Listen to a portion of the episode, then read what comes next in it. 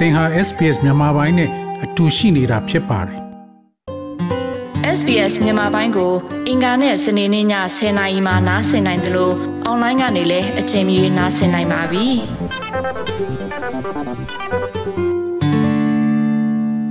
တမုတ်ကတရွာလုံးကျွတ်နေပြီးရှို့တယ်။ခွန်ကြီးကြောင်းတော့မချအောင်ပြီးရှို့တယ်စစ်ကောင်စီတပ်ရဲ့ရက်ရွာတွေကိုမီးရှို့ဖျက်ဆီးတဲ့တံကိုခံခဲ့ရလို့နေအိမ်ဆုံးရှုံးခဲ့ရတဲ့အမျိုးသမီးတူရဲ့ကြုံရင်နေတဲ့ဇကာတမ်းမှာ အခုဆိုရင်နေ့စဉ်သတင်းစာမျက်နှာတွေမှာတွေ့မြင်နေရတာကပြည်သူတွေရဲ့အိုးအိမ်စီးစိမ်တွေဖျက်ဆီးခံနေရတာပဲဖြစ်ပါတယ်။အာနာသိန်းကာလတခြားလုံးရာဇဝတ်မှုတွေကိုတနေ့ထက်တနေ့ပုံမကျွလွန်လာနေတဲ့စစ်ကောင်စီတပ်တွေဟာပြည်သူတွေရဲ့နေအိမ်တွေကိုနေ့တိုင်းလိုလိုမီးရှို့ဖျက်ဆီးနေပါတယ်။ပြီးခဲ့တဲ့ဖေဖော်ဝါရီလထဲမှာပဲအဲ့ဒီလိုမီးရှို့ဖျက်ဆီးခံရမှုတွေတိတိတသားတိုးလာခဲ့တာတစ်လထဲမှာနေနေအိမ်3000နီးပါးအထိမီးရှို့ဖျက်ဆီးခံခဲ့ရတာပါ နေရနဲ့မှာမိရှုဖျက်ဆီးခံရတာတွေများလာတဲ့လျောက်မိဘသင့်ပြည်သူတွေရဲ့အခက်အခဲတွေကိုကူညီဖို့အဖွဲ့အစည်းတွေကအလျင်မမီနိုင်တော့တဲ့အခြေအနေမှာရှိလာပါတယ်။ဒါကြောင့်ပြည်သူ့ကာကွယ်ရေးတပ်တွေကပါနှီးဆက်ရာကူညီနေကြရပါတယ်။မက်စလာနေ့ရက်ကစစ်ကောင်စီတပ်တွေမိရှုဖျက်ဆီးသွားလို့နေအိမ်250ကျော်အထိပြတ်ကျခဲ့ရတဲ့မကွေးတိုင်းပေါ့မြို့နယ်တွေကလက်ဆယ်ရွာနဲ့လက်ပံလှရွာမှာမိဘသင့်ပြည်သူ2000လောက်ရှိပါတယ်။ အဲ့ဒီထောင်ချီတဲ့ပြည်သူတွေဟာဆက်ရက်ကြော်ကြတဲ့အထိကုညီတဲ့အဖွဲ့အစည်းတွေမရှိကြလို့ရဲဘော်တွေဝတ်မဲ့အဝတ်တွေကိုစော PDF ကတားရောက်ပေးလူခဲ့ရပါတယ်။ဒီအခြေအနေနဲ့ပတ်သက်ပြီးစော PDF တာဝန်ရှိသူတို့ကမီးရှို့ဖြစ်စီခံနေကြွာတွေကဟိုပြန်ပြအိမ်မရှိတော့ဘူးဗျာအဲ့လိုမျိုးစေဘေးချောင်နေပဲနေနေရတာပေါ့အဲ့လိုမျိုးနည်းနည်းလေးလုံခြုံတဲ့နေရာလောက်ကိုတတ်မှတ်ပြီးတော့နေနေရတာဆိုတော့တို့ကဝတ်စရာဝတ်တဲ့ကိုတစ်ခုနဲ့လူမျိုးတွေပါပါတယ်တော့ဒီမှာဒီရဲဘော်တွေဝတ်ဖို့ဆိုပေးထားပူပေးထားတဲ့ထဲကမှာကျွန်တော်ပြန်ပြီးတော့ အဲ့လိုမျိုးလှူပေးလိုက်တာပါအဲ့ဒီအနေထားမှာနောက်ပြီးတော့ဒီလိုအပ်တဲ့အစားအသောက်ထောက်ပံ့မှုလည်းပဲအများကြီးအဖွဲ့အစည်းတွေမရှိဘူး NGO ကလည်းမရောက်ဘူးပေါ့နော်ပြီးကိုမတည်သေးဘူးအဲ့လိုမျိုးအနေထားမျိုးတော့ရှိတယ်ဗျတောနယ်ဇက်ကကြေးရွာတချို့ပေါက်နယ်ဇက်ကကျေသူတို့နဲ့နီးစပ်ဆုံးအနီးစပ်ဆုံးဒေသခံတွေကနေပဲပြန်ပြီးတော့ကိုရွာမှာစုစုဆန်စီစားပါညာစပြီးတော့ဗျာပြန်စုပြီးတော့ပြန်လူတဲ့အနေချင်းနေနဲ့ရက်တည်နေသေးပေါ့ရေရှည်သူတို့ရပောင်းများစွာကြီးနေရမယ်ဆိုတော့တော်လေးကိုခက်ခဲနိုင်နေတာ ပေါ့မြို့နယ်တွေကကင်မရွာဟာပြီးခဲ့တဲ့နှစ်ဇွန်လ15ရက်ကနေအိမ်230ကျော်အထိရွာလုံးကျွတ်အစောဆုံးမိရှုခံခဲ့ရတာပါအာနာသိန်းကာလမှာရွာလုံးကျွတ်မိရှုဖျက်ဆီးတာကိုပထမဆုံးခံလိုက်ရတဲ့မကွေးတိုင်းဟာလက်ရှိမှာတော့နေအိမ်တစ်ထောင်ကျော်အထိမိရှုခံထားရတယ်လို့ Data for Myanmar ရဲ့စီးရင်တွေအရသိရပါတယ် မကွေးတိုင်းထဲမှာတော့ပေါက်၊ဂံကော၊ထီလင်း၊မြိုင်၊ရေစကြိုစတဲ့မြို့နယ်တွေကကြေးရွာပေါင်း20ကျော်မှရှိတဲ့နေအိမ်တွေမိရှုဖျက်ဆီးခံထားရပါတယ်။မကွေးတိုင်းဤသူနေအိမ်တွေခဏခဏမိရှုဖျက်ဆီးခံနေရတဲ့စကိုင်းတိုင်းထဲမှာလည်းပြီးခဲ့တဲ့ဖေဖော်ဝါရီလတည်းပလဲတမြို့နယ်ထဲမှာတင်နေအိမ်1200ကျော်မိလောင်ပြကြခဲ့ရပါတယ်။ အာနာသိန်းတနည်းပြင်းနေဖေဖော်ဝါရီလတရက်မှာနေအိမ်မိရှုခံခဲ့ရပြီးလက်ရှိတလကျော်အထိမိလောင်ပြင်ကြီးထဲမှာခက်ခက်ခဲခဲနေနေရတာကိုပလဲမြို့နယ်ပန်းရွာဒေသခံအမျိုးသမီးတူကအခုလိုပြောပါတယ်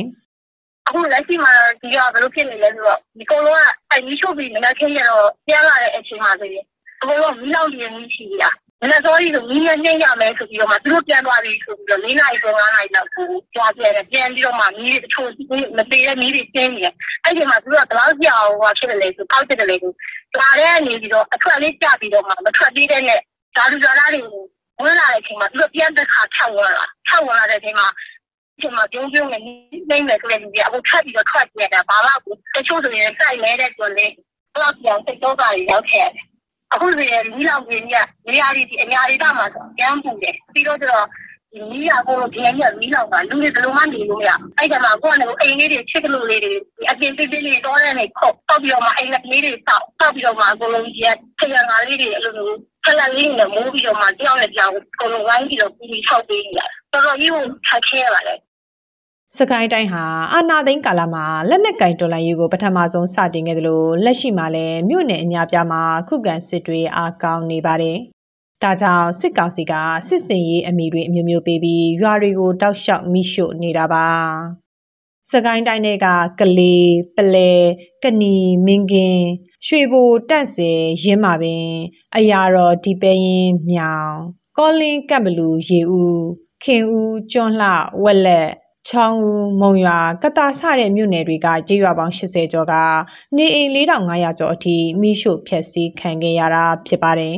။လေရင်ပုံကျဲတာ လက်နက်ကြီး အလွန်ကျွံသုံးပြီးတာလွန်အင်အားတွေနဲ့ စစ်ကြောင်းထိုးနေတဲ့ စစ်ကောင်စီတပ်တွေဟာ ဒေသခံပြည်သူကာကွယ်ရေးတပ်တွေရဲ့ ပျောက်ကြားခုခံစစ်တွေမှာ အထိနာရင်လဲကြေးရွာတွေကို မဲပြီးမိရှို့တာတွေ လုပ်နေတယ်လို့ ပြည်သူတွေက ယူဆကြပါတယ်။ လက်ရှိအချိန်မှာပဲကရင်နီပြည်နယ်တဲ့စစ်ကြောင်းထိုးနေတဲ့စစ်ကောင်စီတပ်တွေကနေအိမ်မိရှို့တာတွေလုပ်နေတာနဲ့ပတ်သက်ပြီး KNDF B06 တရင်မူဘိုအဲလ်ဘက်ကအခုလိုပြောပါတယ်သူတို့တရွာပြီးတရွာရှိတော့တိုးလာတယ်ဒါပေမဲ့သူတို့ရှိတရွာနှစ်ရွာတိုးပြီးလို့ရှိရင်အစောပိုင်းကသူတို့ယူထားတဲ့ရွာတွေကနေရာပြန်ပြီးဟတ်သွားတယ်အဲ့မှာကျွန်တော်တို့နောက်နေလဲပြန်လောက်တော့သူတို့ကသူတို့ပျောက်ကြားနေပေါ့နော်သူတို့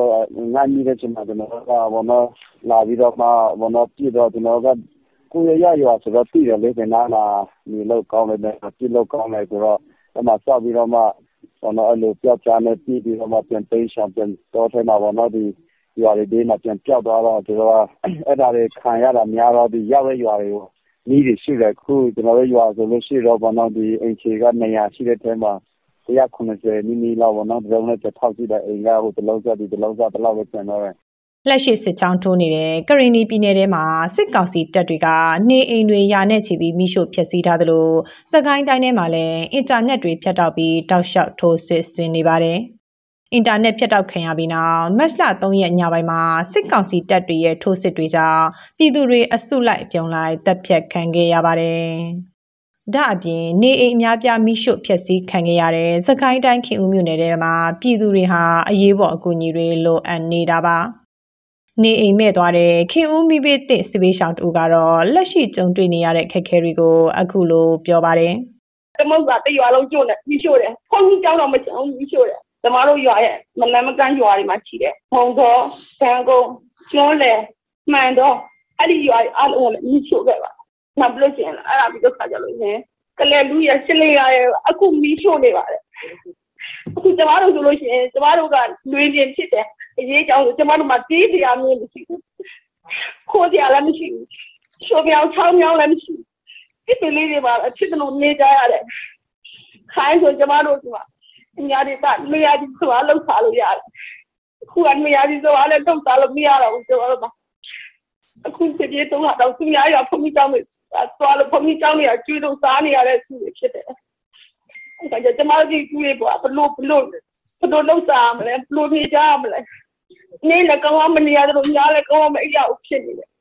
အခုကတော့ကျမတို့ခင်းမျိုးနဲ့တနေ့လုံးကိုဖိခံနေရပါတယ်အာနာသိန်းကာလတစ်နှစ်ကျော်အခုမတ်လ15ရက်အထိနေအိမ်ပေါင်း9200ကျော်မိရှို့ဖျက်ဆီးခံထားရတယ်လို့ Data for Myanmar ကဖော်ပြထားပါတယ်။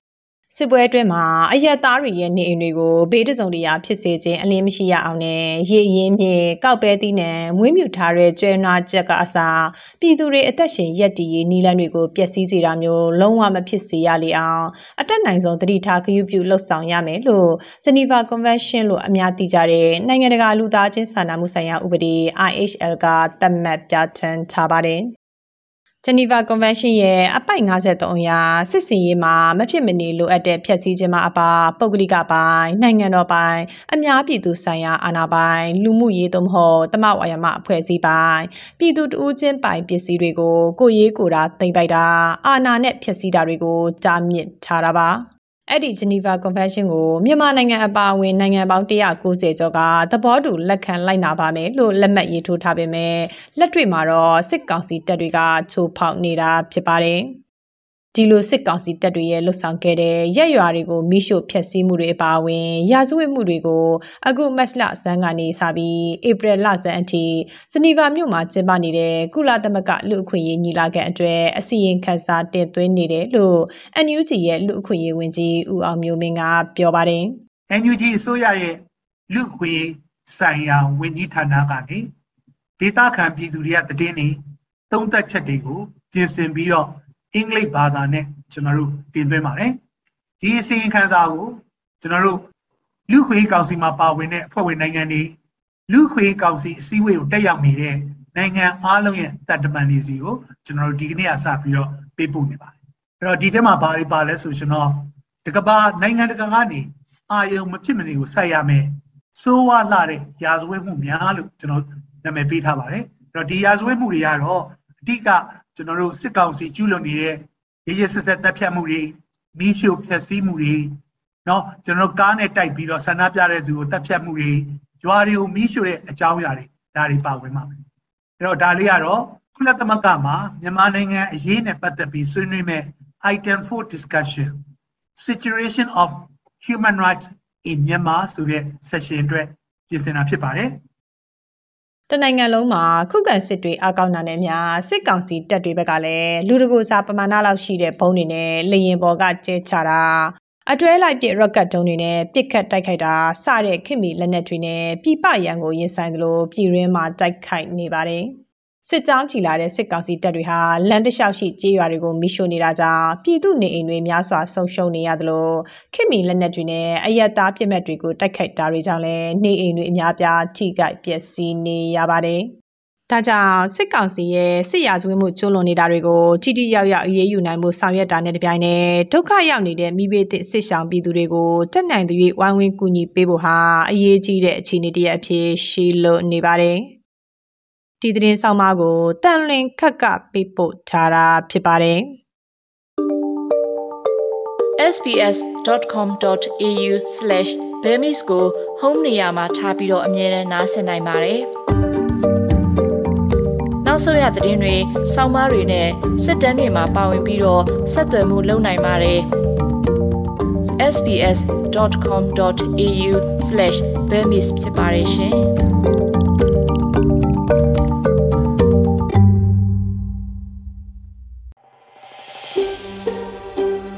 ဒါမျိုးသတင်းဆောင်မာတွေကိုပိုနားဆင်လိုပါလား Apple Podcast Google Podcast Spotify တို့မှာသင်ပင်ရာဖြစ်ဖြစ်ရယူတဲ့ podcast ကနေပါ